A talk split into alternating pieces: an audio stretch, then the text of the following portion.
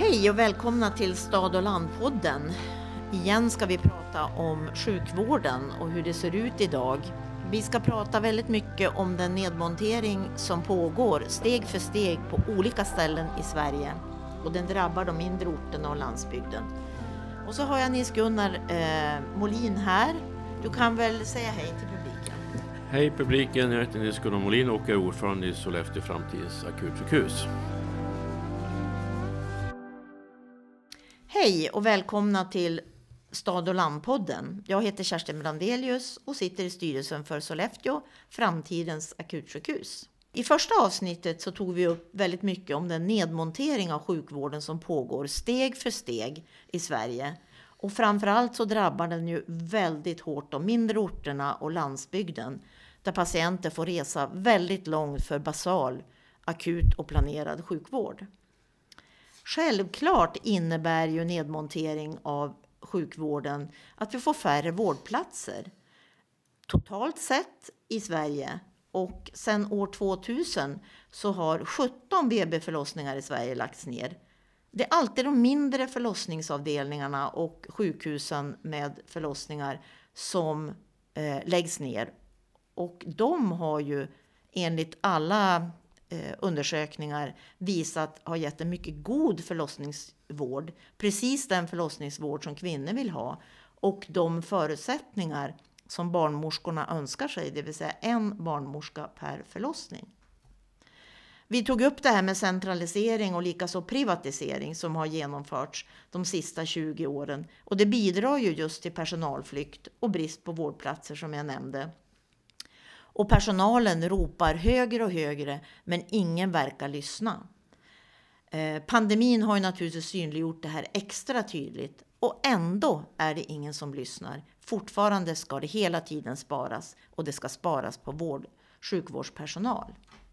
Det innebär ju en enorm dränering av erfaren och kompetent sjukvårdspersonal och många av dem går till bemanningsföretag eh, för att orka jobba kvar i vården. Vilket ju innebär att vården blir ännu dyrare. Det är alltså dags för ett regimskifte för sjukvården i Sverige. Idag har jag med mig Nils-Gunnar Molin. Han är ordförande i ideella föreningen Sollefteå Framtidens akutsjukhus. Och vi ska börja också prata om och diskutera vad är det som behöver göras.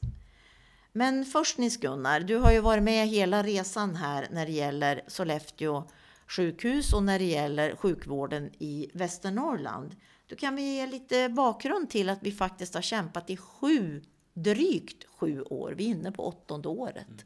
Det är helt otroligt. Ja, jag kan berätta då att det startade ju våren 2015 när eh, man var överens i regionfullmäktige att det behövde sparas pengar.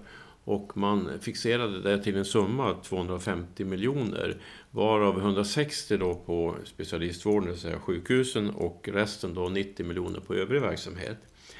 Eh, den här så kallade insatsplanen den, den beslutas i fullmäktige. Eh, I augusti, den 22 augusti, så kom, eh, lyckas vi hitta den så kallade åtgärdsplanen som visar att merparten av de här 160 miljonerna det skulle drabba ett sjukhus och det var Sollefteå. Övik skulle också drabbas genom att BB föreslogs läggas ner där. Där ryckte då politiska krafter ut och protesterade och eh, plötsligt så skulle inte BB i Övik läggas ner. Så hotet var i hög grad koncentrerat mot Sollefteå.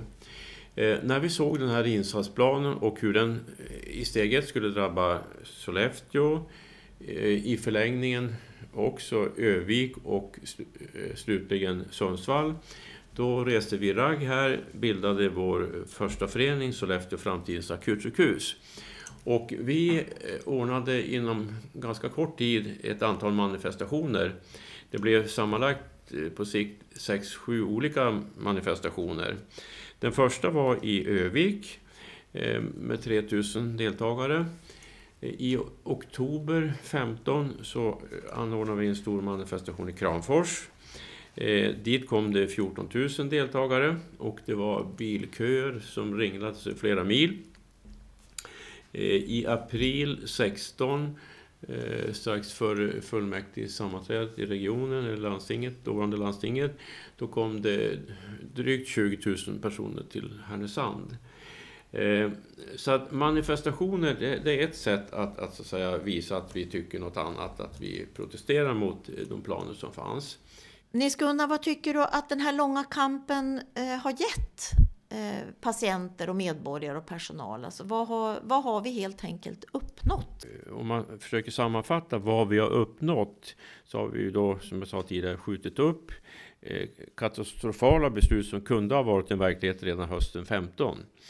Eh, eh, vad har vi i övrigt uppnått? Ja, vi har skaffat en, en, stor medvetenhet bland befolkningen som nu är väl insatta i sjukvårdsfrågor. Kanske de mest väl insatta befolkningen i landet. Eh, vi har eh, också pekat, inte bara på brister i sjukvården, utan vi har hela tiden försökt vara konstruktiva. Vi har pekat på lösningar.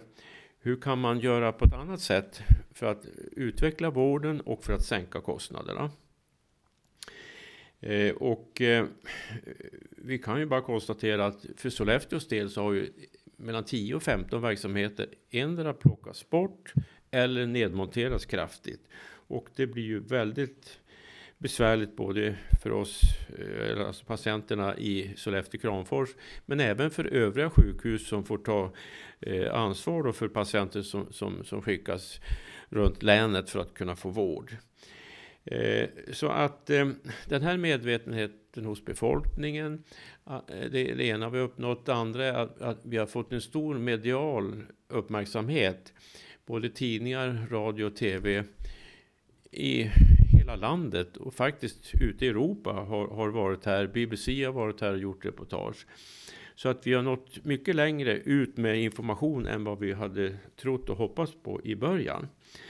Så att eh, även om eh, läget i, i, dagsläget inte eh, är så bra så, så har vi ändå uppnått en del. Men, men vi ser stora möjligheter att, att kunna eh, ja, utveckla eh, från en situation som är idag.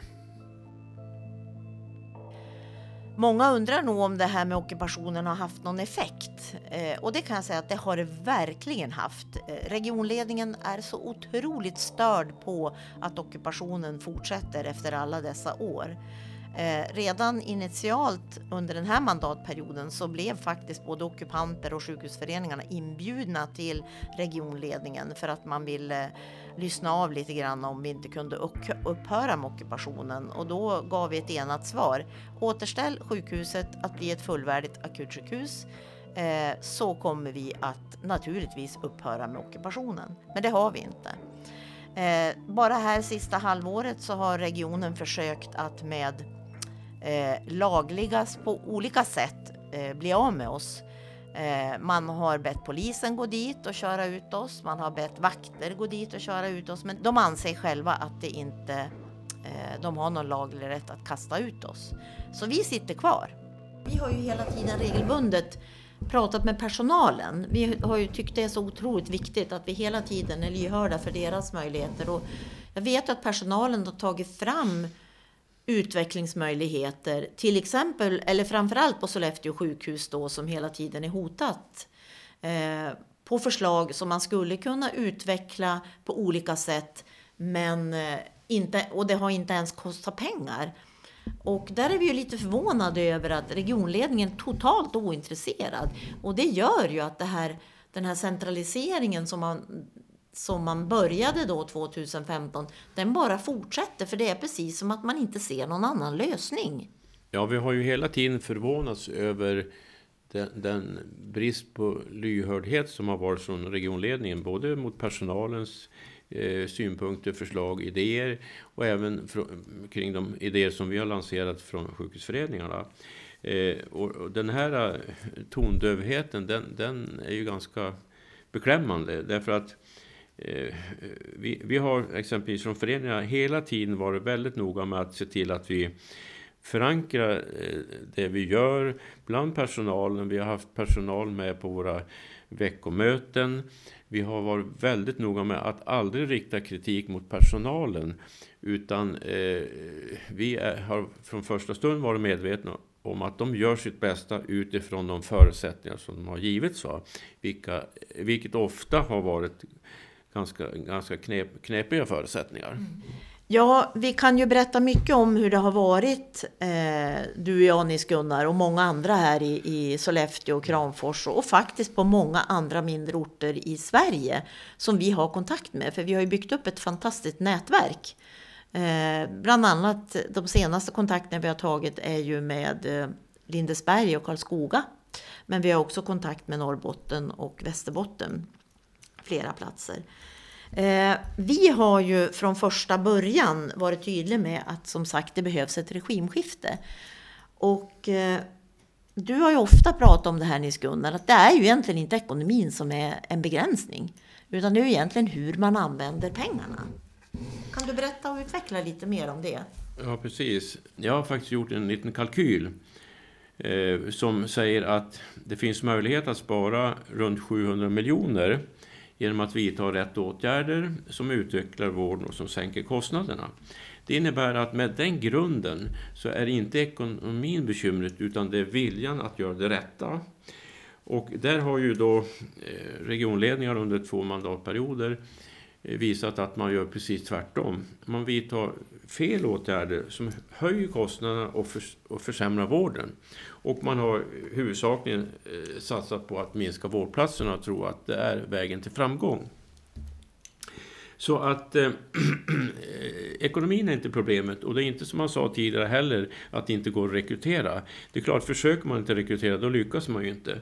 Så var ju fallet i, i Sollefteå från sommaren 16 när man först tillfälligt stängde akutkirurgi, akutortopedi, sen förlängde stängningen och slutligen i februari 17 då eh, beslutade att kirurgi skulle bort. Akuta kirurgi skulle bort.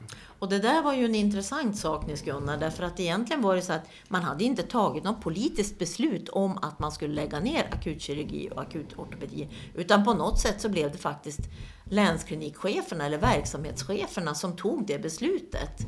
Och sen tog Eh, alltså det formella beslutet tog sen politiken. Och det är väl tyvärr någonting som vi har sett många gånger. Att det är som att politiken släpper fram, eller låter cheferna, och de är ju centralstyrda från, eh, oftast från Sundsvall eftersom där de flesta mm. cheferna kommer därifrån. Eh, och därför har ju inte heller då personalens åsikter blivit lyssnade på. Så egentligen är det så att pengar är inte problemet egentligen. Eh, vi har ju börjat, just när det gäller pengar, titta väldigt mycket på Norrbotten. För där har det ju börjat röra på sig väldigt spännande saker som, som, som jag tror att många regioner skulle ha nytta av att se. Hur kommer det här att gå? För alla mm. regioner resonerar så som Västernorrlands eh, regionledning, eller majoritet nu då. Nu då. Kan du berätta lite där om Norrbotten? Vad, vad, vet vi hittills? Norrbotten är ju också eh, relativt jämförbar med, med, med Västernorrland när det gäller omsättning och Eh, verksamhetens omfattning. Och de har ju också beslutat sig för att effektivisera i storleksordningen 700 miljoner genom att främst faktiskt kapa de administrativa tjänsterna. Och kan de så borde vi kunna. Vi har ju sett att det har varit en förskräcklig utveckling av administrativa tjänster under en tioårsperiod. Eh, och inte minst införandet av länskliniker som, som har gett merkostnader på runt 100 miljoner per år. Men inte gett några mervärden, precis tvärtom. Det har lett till en nedmontering som vi nu kan läsa av väldigt tydligt. Så att Norrbotten är ett exempel vi skulle kunna göra liknande. Vi skulle också kunna eh, titta, eh, fördjupa oss i Nor där landsting, dåvarande landstinget och Norrtälje kommun gick samman i Norrtälje-modellen som innefattar eh, den innefattas sjukhusvård, primärvård, hem, kommunens hemsjukvård och äldrevård. Och där har man konstaterat att man har lyckats spara en hel del resurser Lite olika på landstingsdelen och, och, och lite annorlunda på kommundelen. Men någonstans 7-8 procent på omsättning har man lyckats spara. Samtidigt så säger man att man fått mycket bättre verksamhet. Man har sluppit den här eh, risken att speciellt äldre multisjuka hamnar mellan stolarna mellan kommunens ansvar och regionens ansvar. Och när man tittar då på Norrtäljemodellen så kan man säga att de har ju tagit det här nära vårdkonceptet eh, fullt ut. För nu börjar ju nästan alla regioner prata om nära vård och det är så bra. Och det är ju att kommun och region ska samarbeta eh, med just de som du nämner, kroniker och multisjuka och de som är på äldreboenden. Men det innebär ju att man på något vis bygger ett nytt stuprör lite vid sidan om specialistsjukvården. Eh, och det är tydligt här i, i Västernorrland också. Så att vi ser ju Norrtäljemodellen som en väldigt bra variant där faktiskt Eh, både kommun och landsting fullt ut är likvärdiga partner för att säkerställa en god akut och basal sjukvård. Och eh, det som är spännande i det här det är ju att Gabriel Wikström och senare då Annika Strandell, bägge de sjukvårdsministrarna förordade Norrtäljemodellen. De var väldigt imponerade och eh, till och med Annika Strandell tyckte att man borde alltså lagstifta om att det, på det här viset skulle man eh, faktiskt jobba i sjukvården. Och det sättet att jobba innebär ju att man har mycket plattare organisation och då får vi ju bort de här chefsleden som centraliseringen bygger. Den bygger ju chefsled, för varje steg man centraliserar så lägger man en ny chefsnivå. Och eh, Sveriges kommuner och regioner har ju också konstaterat att de sista tio åren så har ju den administrativa nivån och chefsnivån ökat med ungefär, eller personalen ökat med ungefär 36 procent. Det är ju alarmerande. Och alla regioner vill spara och då sparar man på sjukvårdspersonalen. Och det är ju sjukvårdspersonalen vi behöver och vill träffa när vi är sjuka. Nils Gunnar, vi ser ju också att, eh, eller vi hör ju, både ser och hör, att eh, personalen ropar högt, som jag sa i början, att det här är fullständigt ohållbart. Det är inte patientsäkert. Eh, och ändå blir man liksom inte lyssnad på. Och du har ju berättat här nu att ekonomin är inte ett problem. Men vad tycker du mer behöver göras? Vad ser du mer för möjligheter? Ja, det är ju så här att när en situation är mörk så gäller det att försöka hitta ljuset i mörkret. Och ljuset, det är ju personalen, deras vilja, ambition att göra det som ska göras.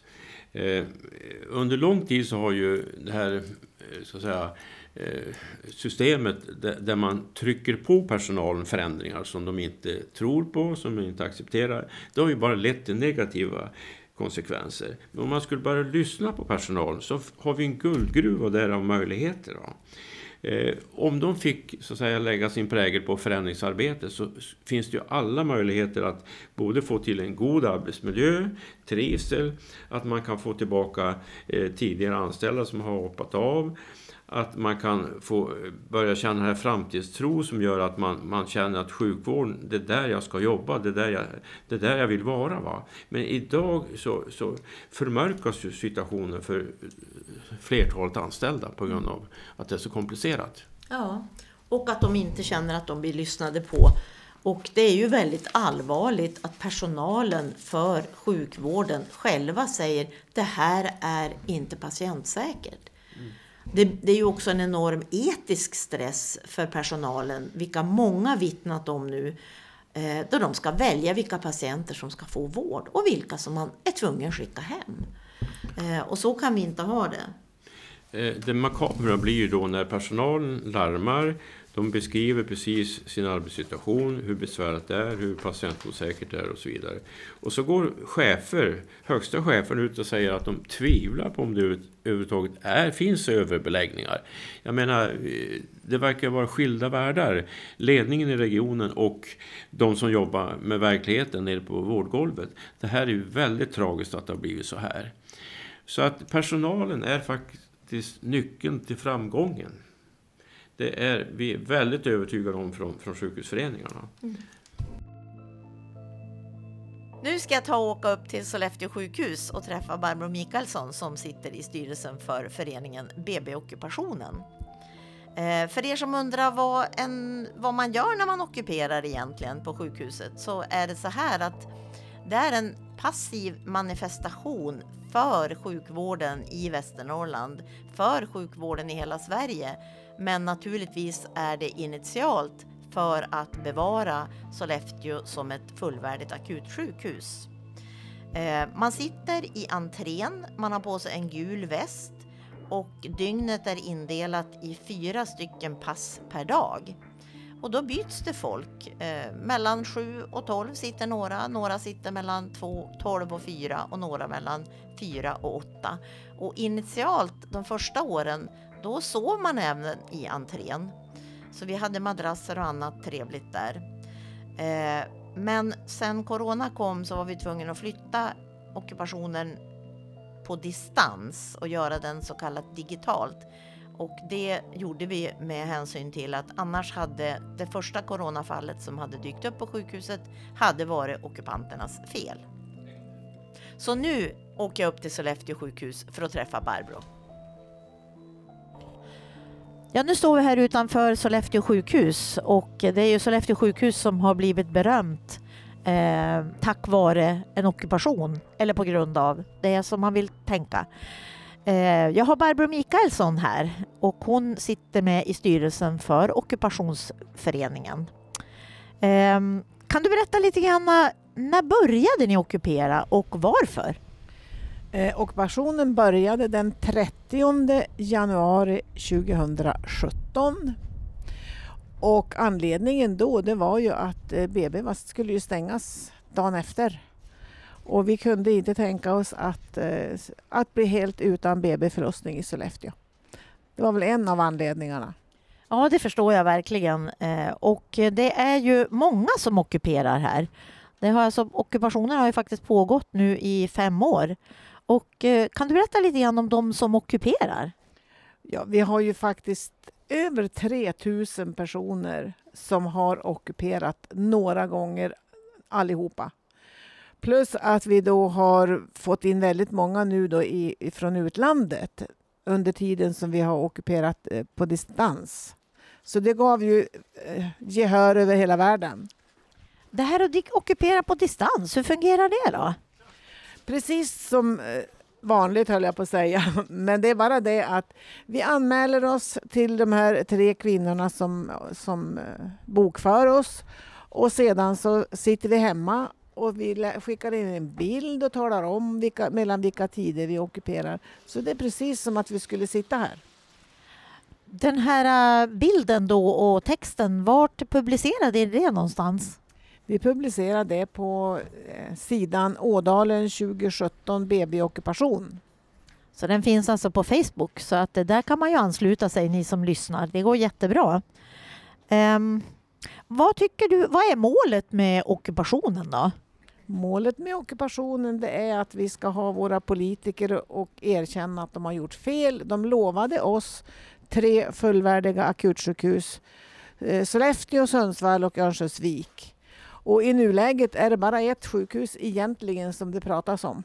Och det är Sundsvall. Ja, Nils Gunnar, du är ju med här också vid Sollefteå sjukhus.